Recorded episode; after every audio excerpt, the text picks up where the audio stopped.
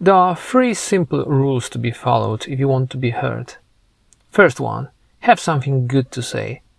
Second one, say it well. And the third one, listen to your audience. And what does it mean in practice? Say it well? Yeah, if you don't have something like that, don't even start. Second, say it well, it's more technical stuff, but I would suggest don't try to convince someone to your arguments, but rather seek for the truth.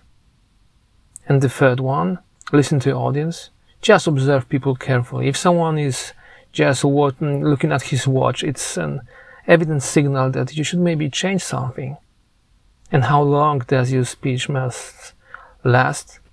The simple answer, as long as it should be, and longer, and that's why I'm finishing.